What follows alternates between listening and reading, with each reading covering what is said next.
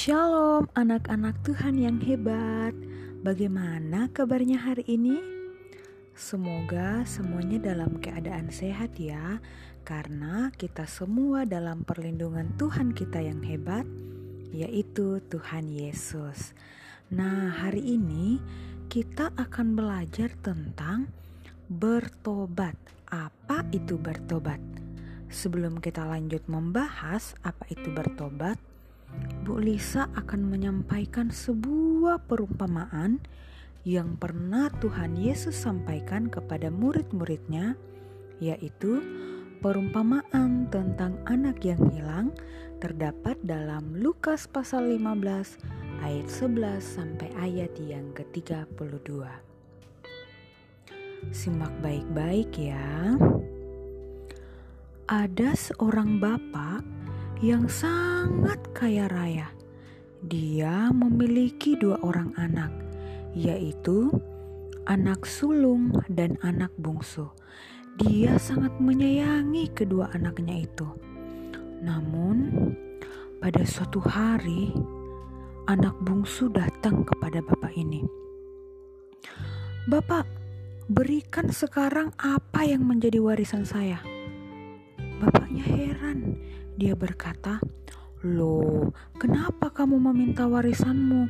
Bapak masih kuat, Bapak masih sehat, Bapak masih hidup.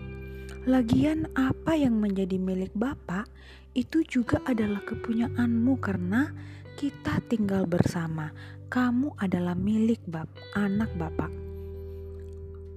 Tetapi kata si anak bungsu ini, tidak Bapak, saya mau warisan, saya mau pergi, saya tidak mau lagi tinggal di sini.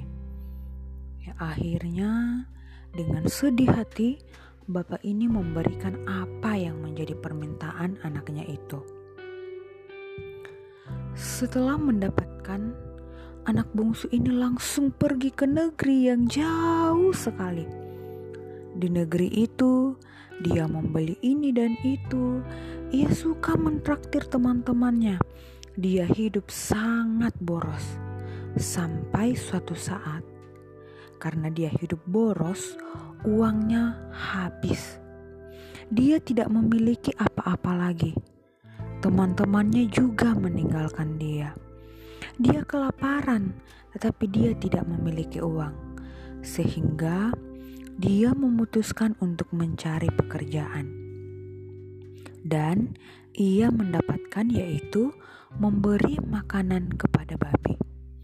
Tetapi karena dia sudah sangat lapar, dia kemudian meminta sisa makanan babi untuk dia makan.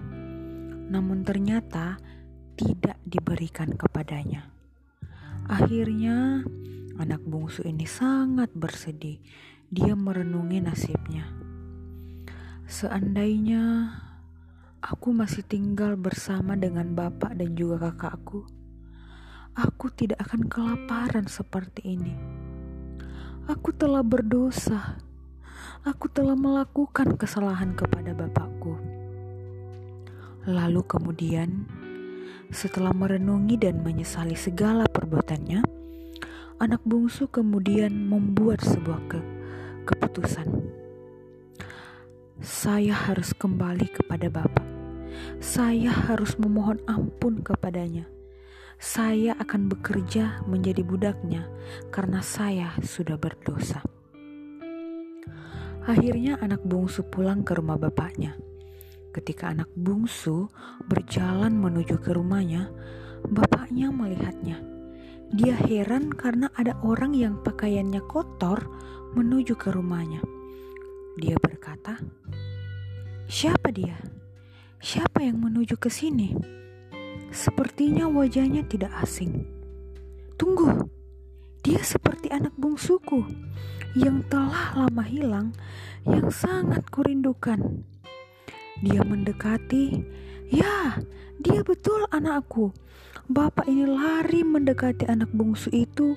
Dia mencium dan memeluk anak bungsu hingga anak bungsu menangis. Bapak, Ampuni saya, Bapak. Saya telah berdosa. Saya meninggalkan Bapak. Ampuni saya, Bapak. Saya tidak layak lagi menjadi anak Bapak. Jadikan saya budak Bapak. Tetapi kata Bapak, "Tidak, kamu adalah anakku. Kamu adalah anak yang sangat Bapak rindukan. Jangan bersedih. Hari ini adalah hari yang sangat membahagiakan karena anakku yang hilang telah kembali." Amin firman Tuhan. Baik anak-anak, dari perumpamaan yang telah kita dengarkan, kita melihat bahwa anak bungsu telah menunjukkan pertobatan melalui penyesalan dan kembali kepada bapaknya.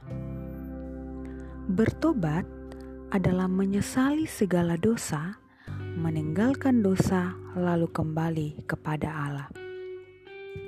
Bertobat adalah meninggalkan dosa dan membina hubungan yang baik dengan Allah. Orang yang bertobat tidak cukup hanya dengan penyesalan, tetapi harus disertai dengan perubahan perilaku. Tuhan Yesus pun sama seperti Bapa dalam perumpamaan itu. Tuhan mau kita menyesali dosa-dosa kita dan kembali kepadanya menjadi anak-anaknya karena dia mengasihi kita. Kita tidak hidup lagi dalam dosa karena kita telah bertobat. Demikian pembelajaran hari ini. Terima kasih untuk kesempatan anak-anak yang hebat. Sampai jumpa.